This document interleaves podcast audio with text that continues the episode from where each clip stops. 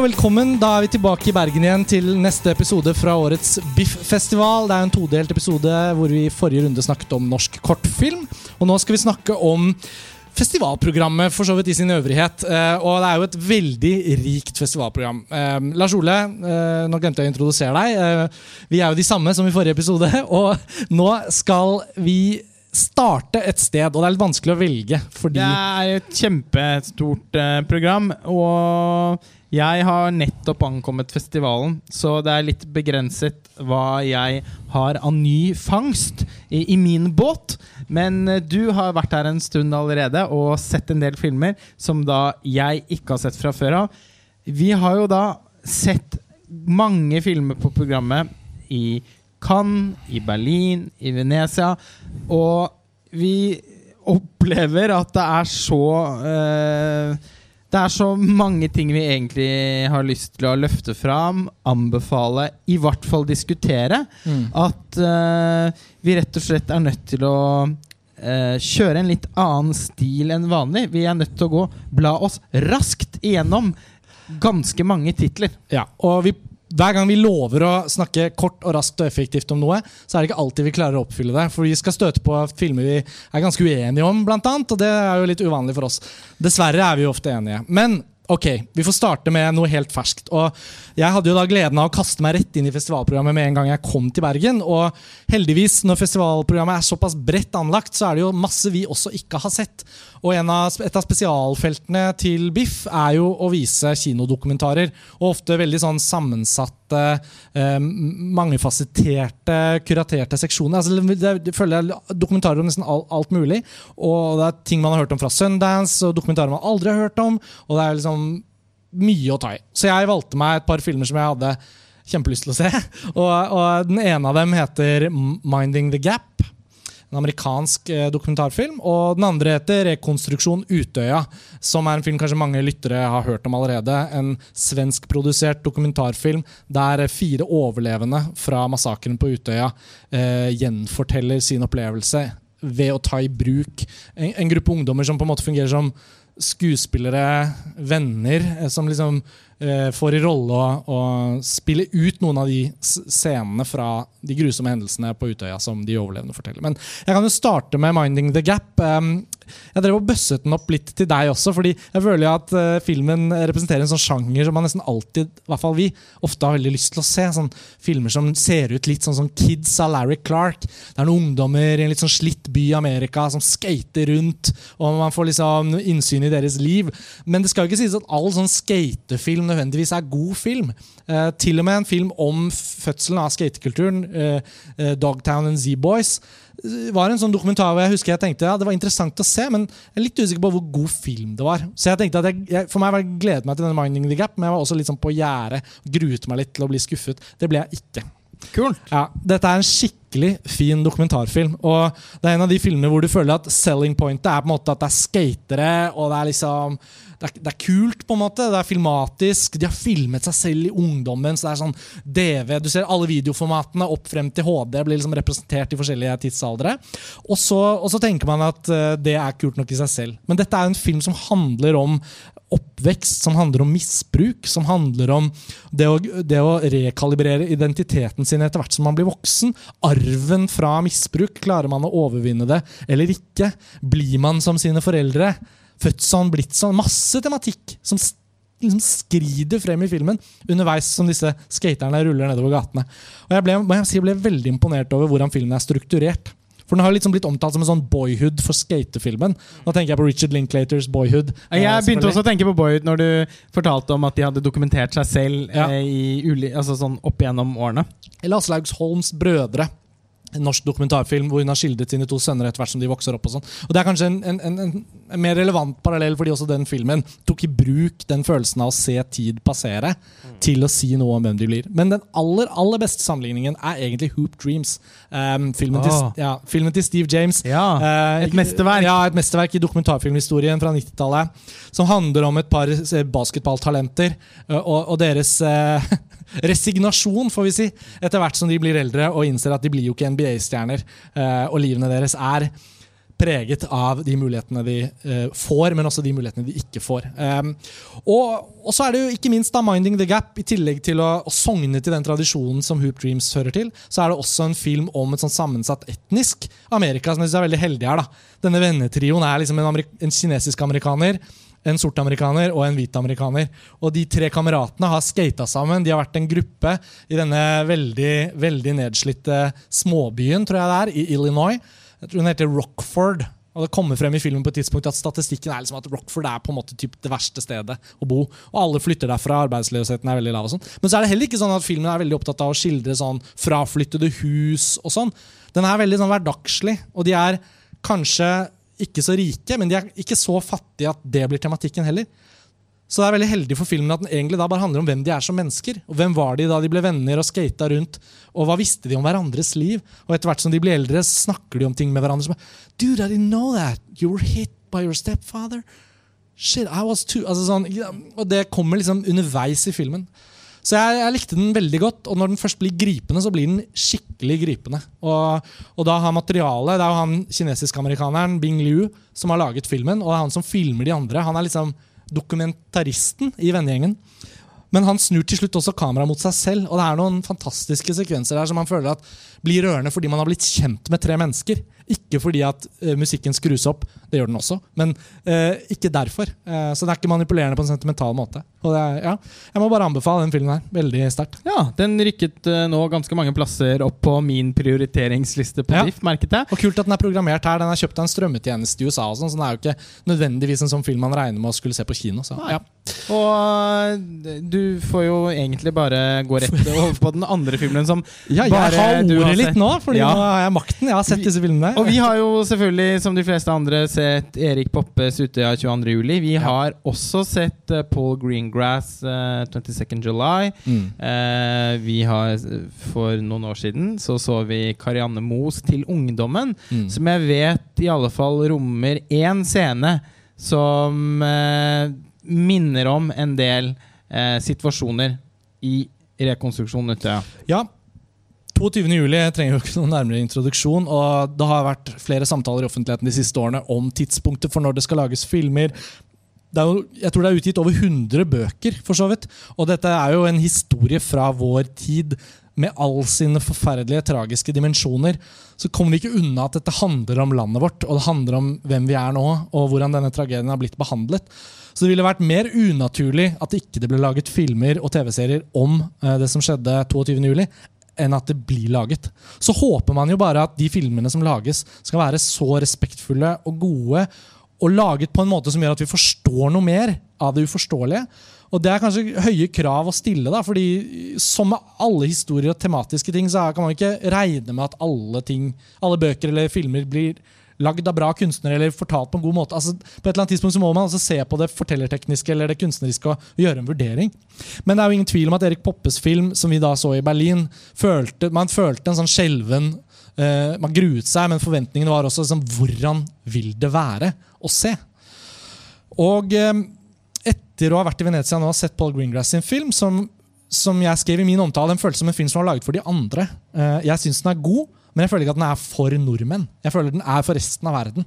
At man eh, på Greengrass bruker historien om 22.07. og etterdønningene og rettssaken til å fortelle resten av verden hvordan Norge eh, håndterte den hendelsen, og hvordan de overlevende håndterte det. Og Det er i og for seg også en uttalt ambisjon ja. fra Paul ja. Greengrass. Og jeg bare tror og håper at eh, når den har premiere på Netflix 10.10, at de, det norske publikummet på en måte forstår den filmen i lys av det. Da. For det er rart uh, at de snakker engelsk, og det, og det, er noen elementer som er fremmedgjørende der.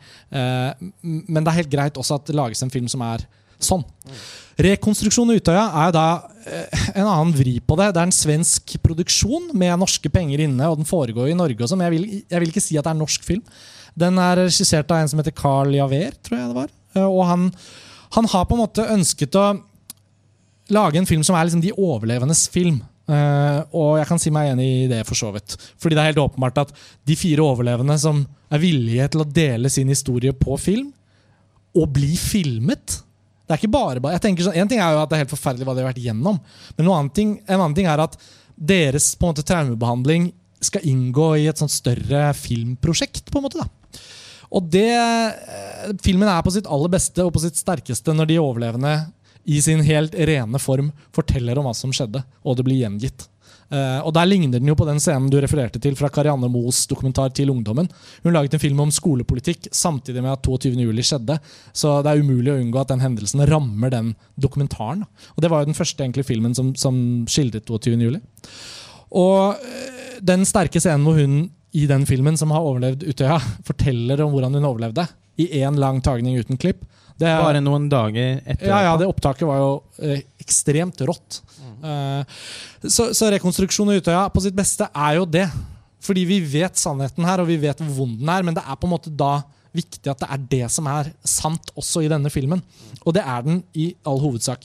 Og så har han gjort noen grep hvor han på en måte har samlet denne gjengen i et stort studio i, i, på Filmcamp i Troms. Hvor det er et stort, stor hall som brukes til forskjellige typer filminnspillinger. Er jo Filmcamp er en, et selskap som driver med det. Utleie av studio og opptaksfasiliteter i Nord-Norge. Som har liksom Død snø og sånn, den type filmer er blitt laget der.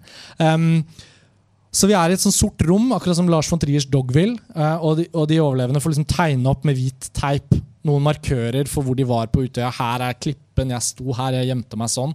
Og så uh, disse andre ungdommene som da ikke har overlevd Utøya, men som er der i form av nesten å være skuespillere. De er på en måte ikke skuespillere, de er mer sånn sjakkbrikker på en måte, uh, som blir flyttet rundt på. Men så er filmen også liksom sydd sammen av litt mer sånn dokumentarisk materiell om at de var der. At de tente bål på kveldene utenfor filmcamp, og at de hadde gruppeklemmer, og at de hvilte ut mellom opptakene, og at vi får se liksom eh, en slags metafilm om filmen. For min del hadde ikke det vært nødvendig i det hele tatt. Jeg, jeg opplevde ikke liksom at det ga noe. Eh, jeg følte at det sorte studioet med hvite striper på gulvet, og de overlevende som gjenfortalte, og fikk dette gjenfortalt. For det handler liksom om at de også skal få se hendelsen utenfra.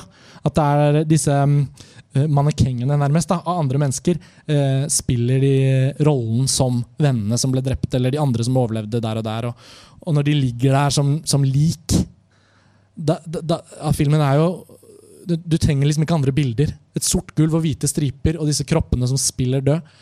Det blir veldig nært. Og for de overlevende også. Man ser jo materialet hvordan de på en måte umiddelbart er sendt tilbake til Utøya, og flere av dem er på gråten. og sånn. Så, så, det er en veldig sterk film. Det er ikke til å komme bort fra fordi hendelsen er så sterk. Og det er ingenting problematisk med måten den er laget på, men jeg opplever at den er kanskje litt for uh, Det er en film som blir litt opptatt av å vise at den er en film. Altså sånn, Vise at vi lagde en film den toukersperioden sommeren 2017. Det var seks år siden 22. juli. og sånn. Jeg bare følte ikke at det var Det ga ingenting. Så for meg kunne den vært mye mer nedstrippet. da. En uh, dokumentar som vi begge har sett, som ikke har noen sånne type fakter. Eh, som også vises på Biff. er en av de beste filmene jeg har sett i år. Det er MIA. Maya. Maya. Matangi. Matangi. Eh, Kinodokumentaren om den britisk-srilankiske artisten MIA. Ja. Nå får du snakke litt. Den, vi så den jo i Berlin. Ja. Og den skal på kino i Norge før jul. Ja, Og uh, heldigvis, altså mm. en stor lykke at den fikk norsk kinodistribusjon. Jeg tenker definitivt at den har et publikum. Eh, det er ikke et, MIA har ikke få fans i Norge, og dessuten så er det mange eh, som, altså med av srilankisk opphav som bor i Norge, og som forhåpentligvis vil kjenne sin besøkelsestid. Mm. Fordi eh, dette er ikke en tradisjonell musikkdokumentar. Eh, og heller ikke helt en popmytologi, eh, som Nei. vi så et par eksempler på i Venezia. Altså, det er ikke en sånn type film heller. Absolutt ikke. Eh, den er et portrett av MIA, både som menneske og som kunstner. Det er et kunstnerportrett, eh, men eh, med en polit... Med et Altså, den har en uh, ambisjon om å være konfronterende politisk, mm. som lykkes. Fordi hun er en så fantastisk god formidler. Eh, eh altså La oss bare si det med en gang. Da. Både du og jeg er veldig store fans av MIA. Ja. Og, og syns at hun er en av de mest vesentlige eh, og Altså En av de mest vesentlige popartistene eh, i vår tid. Og, og, som og, som definitivt er en av de mest innflytelsesrike. Altså hennes, eksperimenteringen med yes. lydbilder i popmusikk og sånn er jo fantastisk. Ja, Og hennes visuelle uttrykk. Eh, hun har jo også regissert musikkvideoer selv som eh, som, som altså er så bra at man nest, jeg husker jeg, når jeg så den ene videoen av dagen, så husker jeg tenkte Er hun verdens beste musikkvideoregissør også?! altså, hun er virkelig et sånt, en, en multikunstner eh, av helt sånn sjelden kaliber. Ja. Og eh, når hun med denne altså, Når hun da i denne filmen I utgangspunktet Den er jo laget Jeg opplever at hun har laget filmen selv. Bare, jeg må bare si det. Det er papiret Altså Plakaten vil fortelle oss noe annet. Det er hennes nære venn og tidligere medstudent. Mm. Hun gikk på Kunstakademiet sammen med han uh, back in the day. Ja, som, som eh, er kreditert som regissør. Men det er ingen tvil altså For det første så har meg selv skutt mange av opptakene som vi ser i filmen. Eh, så, og litt på samme måte som eh Mind, eh, Minding the Gap, Ja, mm, nettopp. som du snakket om. Ja, for fordi Tidsdimensjonen spiller jo veldig inn her også. Ja, det er jo mange eh, klipp i filmen som på en måte er gammelt sånn dagbok, videodagbokmateriale. I ymse formater og med ulik tidskoloritt. Og en ting man får vite som har veldig mye å si både for oppfatningen av MIA for øvrig. Altså jeg føler Etter å ha sett kinodokumentaren så fikk jeg enda mer sansen for henne som kunstner. Men man ser jo at hun i utgangspunktet utdannet seg til å bli dokumentarfilmskaper. Hun gikk på Kunstakademiet, men var veldig opptatt av å, å, å, å å stake egentlig ut en karriere for seg selv som dokumentarfilmskaper. Og så har hun jo bakhistorien med at foreldrene tok med henne og de andre søstrene til London som flyktninger. De var tamilske srilankere, og, og han hadde vært en del av en opprørsbevegelse som senere ble den væpnede motstanden. Det var mange grupper som kjempet seg imellom om å bli den hovedmotstandsgruppen på Nord-Sri Lanka. Til slutt var det de tamilske tigrene som vant frem ved å på en måte drepe og, og bombe alle de andre vekk.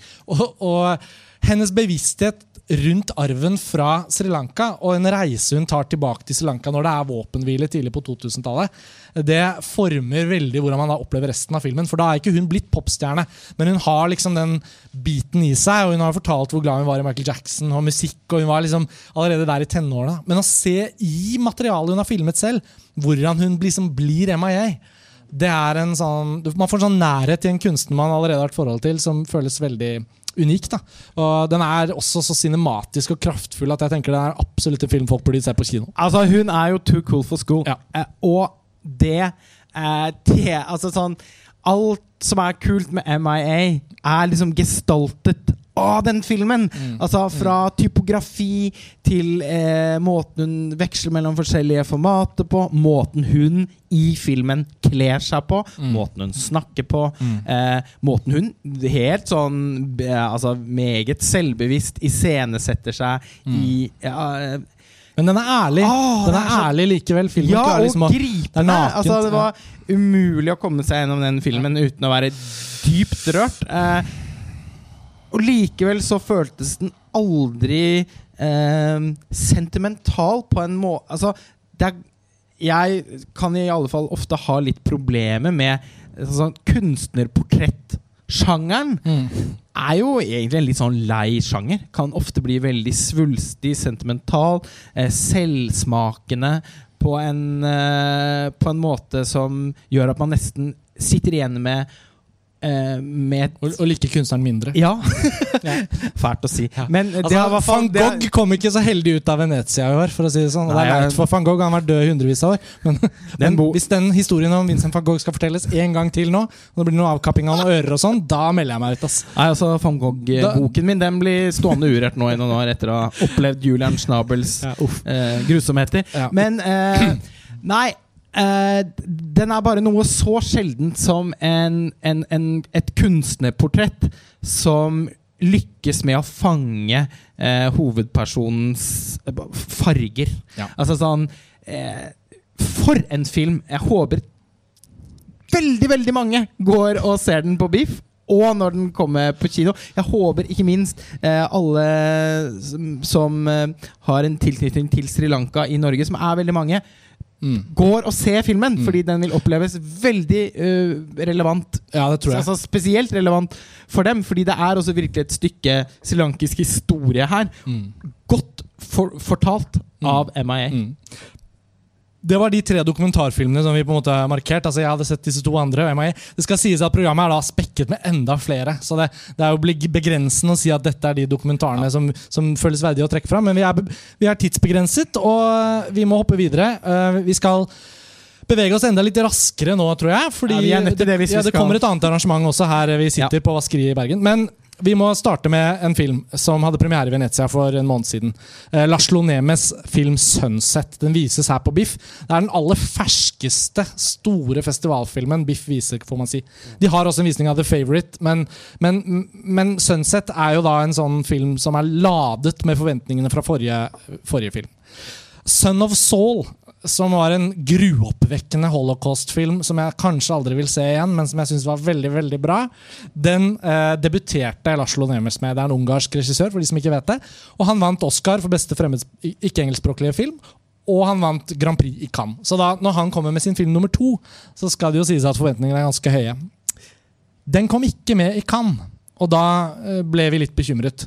Men den kom med i hovedkonkurransen i Venezia, og der ble den vist på 35 mm. Noe veldig sjeldent eh, i vår tid. Den ble ikke vist på DCP. Den er filmet på 35 og vist på 35. og han er jo en veldig visuell filmskaper i den forstand at kameraet er det som hele tiden styrer eh, filmen. Hvis ikke kamerainnstillingen eller den kjøringen eller den tagningen liksom får den plassen den trenger, så virker det som Lars Nemes ikke blir interessert. Så alt som er med i filmen, er styrt av hvordan det skal oppleves visuelt. Ja, altså Han er en utpreget visuell, ikke audiovisuell filmskaper. Vi skal komme inn på lydbildet etterpå. Der har han litt eh, å gå på. Eh, men eh, Son of Soul var jo en helt sånn En av disse debutfilmene som er så bemerkelsesverdige og imponerende at man eh, nesten blir litt svimmel. Eh, og den er altså, altså sånn Innmari vanskelig for han å leve opp til sin første film. Eh, men heldigvis så er han jo på en måte bare en så Altså en så god eh, fil... Altså en så Åh. Nå må du finne Ja, nå må jeg finne de riktige ordene. altså, han, han er så åpenbart en stor filmkunstner eh, som snakker på en måte Altså, han har litt sånn filmspråk som morsmål. Mm. Og det gjør at man er i trygge hender eh, fra første frame i, eh, i Sunset.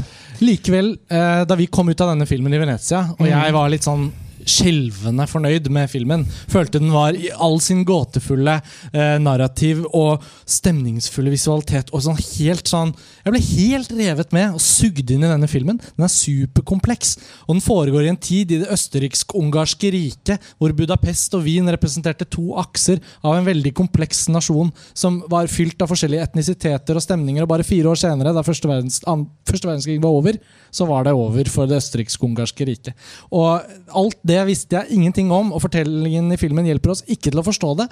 Men jeg ble altså så revet med av Sunset at jeg kom ut og jeg bare wow. Og det første Lars Ole uttrykte, med ansiktet og med stemmen sin og med ordene, var hvor utrolig kjedelig og kjip han syntes denne filmen var.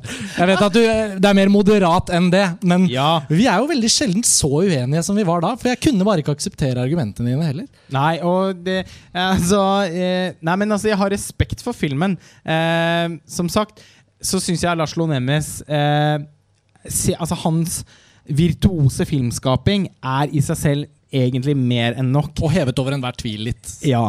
Og eh, han eh, ligger ikke på latsiden i Sunset. Altså, det er noen eh, kompliserte longtakes her, og noen iscenesettelser som bare er helt fantastiske. helt Nydelig fotografert på 35 mm. Det er noen svartnivåer noen teksturer og sånn her som virkelig får tennene mine til å løpe i vann. Når det er sagt, så syns jeg det var vanskelig å komme inn i, inn i rollefigurene og i fortellingen. Det var noe litt sånn uh, Den minnet meg om uh, en film av uh, Zulawski som heter La Femme Publique.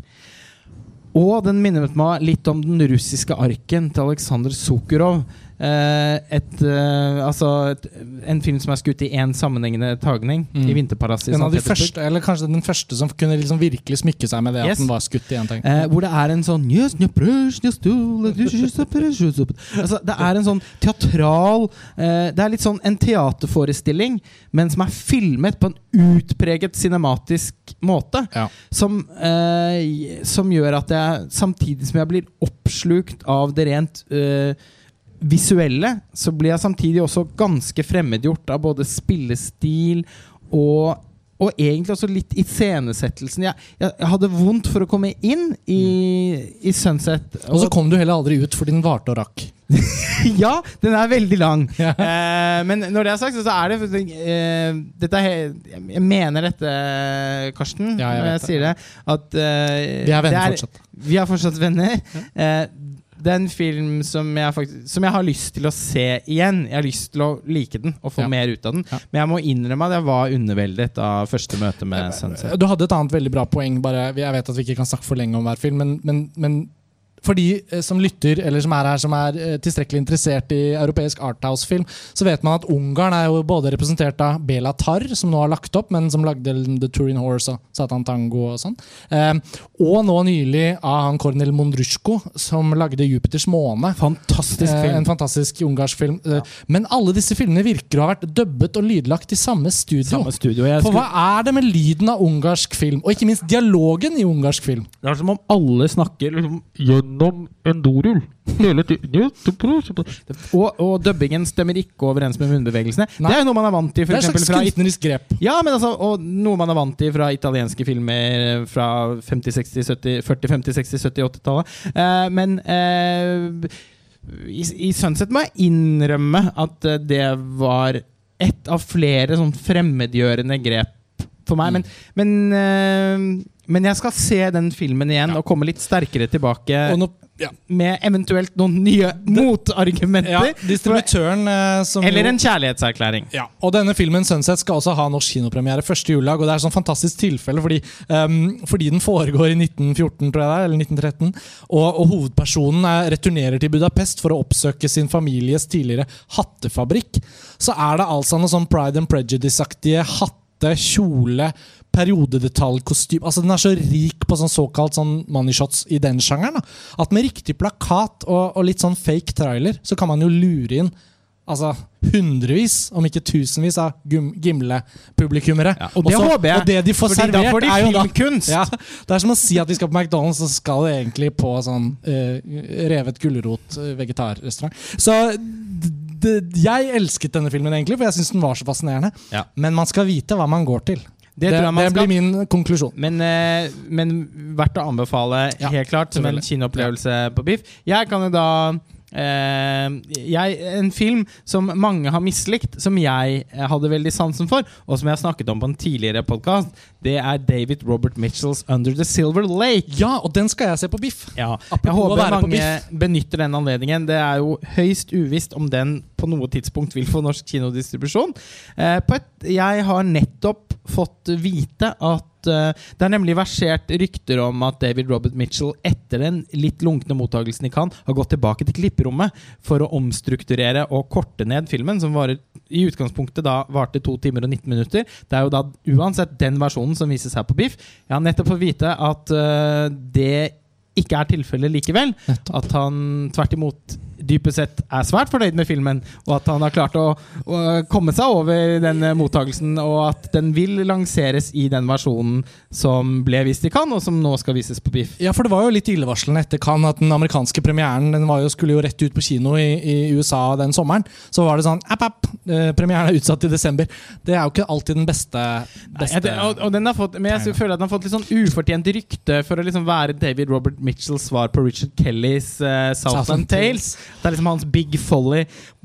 På en måte må man kanskje si at den er det, men jeg synes den er altfor vellykket eh, til å kunne eh, Til å skulle bære et sånt kors. Mm. Den er en, en morsom og eh, ganske sånn eh, suggerer, På sitt vis suggererende eh, en portrett av Los Angeles, og med da en veldig sånn Andrew Garfield spiller hovedpersonen som på en veldig retningsløs måte forsøker å eh, finne noen holdepunkter i tilværelsen sin. Eh, og han, som en sånn vaskeekte nerd, så eh, med åpenbart litt sånn psykoseaktige trekk, så eh, blir han helt sånn besatt av å finne en større mening gjennom mellom koder plassert i liksom ulike typer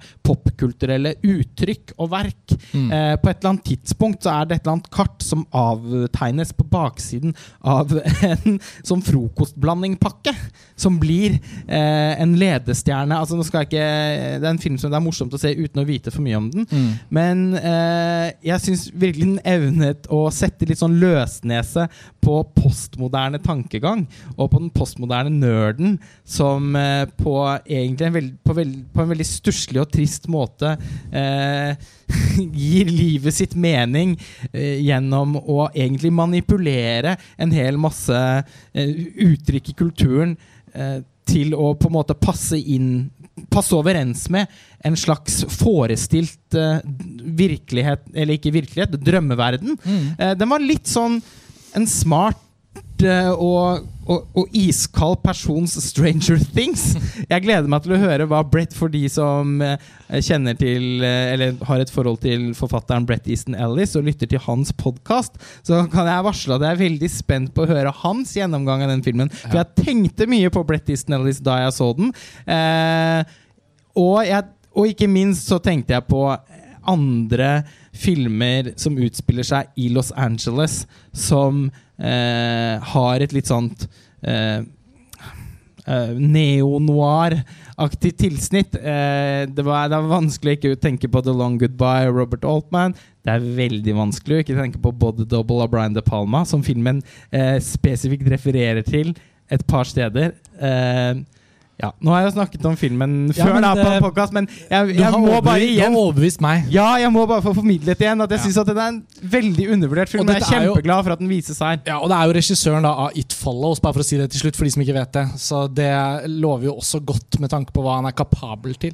Um, her på Vaskeriet, hvor vi nå tar opp denne livepodkasten, så er det bare noen minutter til de må rigge om og ønske velkommen til neste arrangement. Så selv om vi allerede trodde vi var kortfattede, så må vi nå være enda mer kortfattede i det siste minuttet vårt. Okay, Girl. Um, ja, altså La oss ta de filmene vi ønsket å si noe om, kort.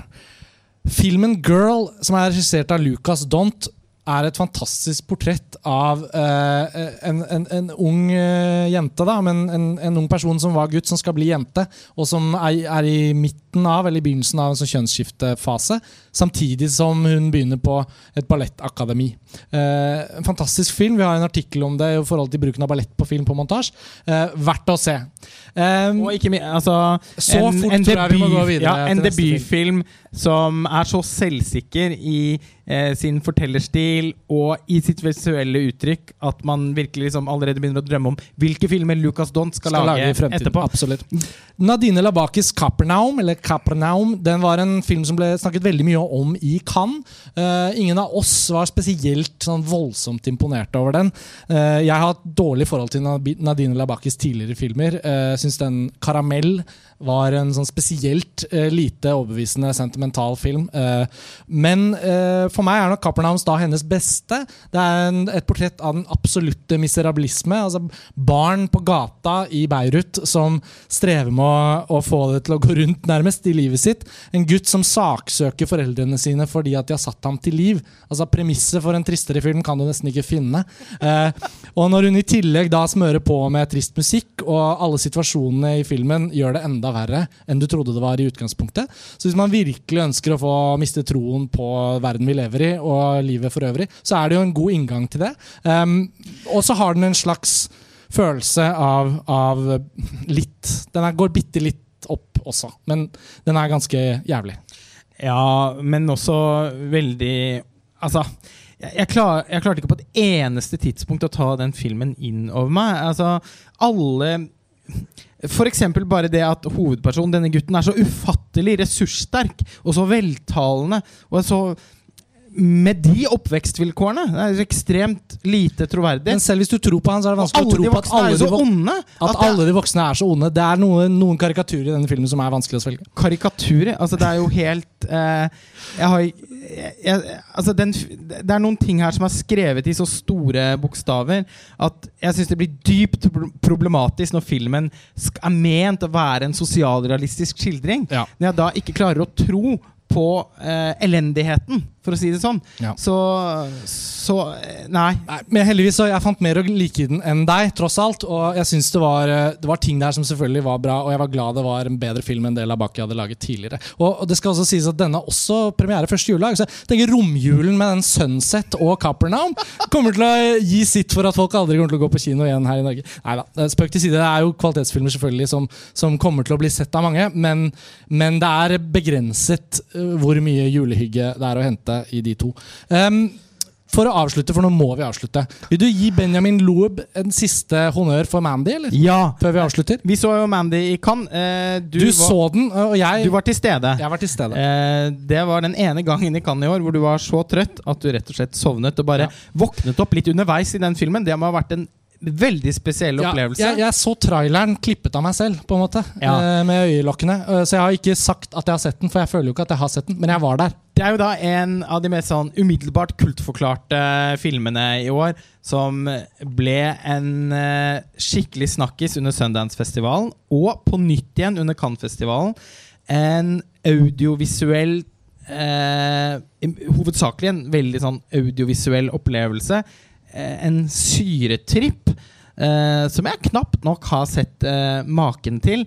Den eh, Nicholas Cage, for de som er begeistret for han når han er på sitt mest Nicholas Cage koko-aktige. Når han er som de montasjene på YouTube med, fra, fra The Wicker Man Ja, og sånn. Vil jo ha tidenes største filmfest her. Fordi han, spiller, altså, han er på volum 11 hele veien. Eh, ettersom jeg selv er svak for, for Nicholas Cage når han er i det moduset. Og volum var- 11. Jeg synes det var et stort pluss. Eh, og filmen er altså eh, s, Altså, den er så Den er jo som en Huh. Åh, det blir vanskelig når man har så kort tid. Ja, for du har kortfattet. Det Ja. Jeg er ikke så kortfattet av meg. Men i alle fall så er det viktig å si at eh, som, som vi også da så vidt var inne på på, på halen av den forrige podkasten, at fotografen her, han er norsk. Benjamin Loeb. Eh, og det kan, den kanskje mest imponerende fagfunksjonen i eh, Mandy, det er nettopp fotoarbeidet. Det er vans altså, filmen hadde jo virkelig ikke vært det samme om man ikke hadde en usedvanlig talentfull fyr bak kamera. Jeg, eh, for de som eh, er begeistret for arbeidene til den franske fotografen Benoit Debye, så er det den første parallellen jeg vil trekke. Det er fotografen til Gaspar Noé, Ja, blant det, er annet. det er et univers, altså et univers med veldig liksom, mettede farger, masse tekstur. Eh, helt sånn eh, trollbindende eh, fotografisk Altså, fotoestetikk Nei, nå, Nå, nå ja. kan vi avslutte, egentlig. Vi Det var, egentlig det bare var det. et fint sted å, det å oppsummere. Um, filmfestivalen i Bergen den utspiller seg nesten en hel uke til. Fem dager til, i hvert fall. Og som sagt, et veldig veldig rikt og innholdsrikt program, så det er bare å forsyne seg fra buffeen. Uh, vi skal videre på film, faktisk, så da er det jo bare å, å takke for alle dere som var her fra begynnelsen av. Og nå kommer det folk som skal på neste arrangementet, så da fikk Ja. dere høre slutten av dette. Podkastene våre blir jo da publisert på montasje på iTunes og Spotify, så det er bare å lete de opp der. Og så får vi bare takke for oss og ønske alle en veldig god festival. Takk for oss. Ha det bra. Ha det.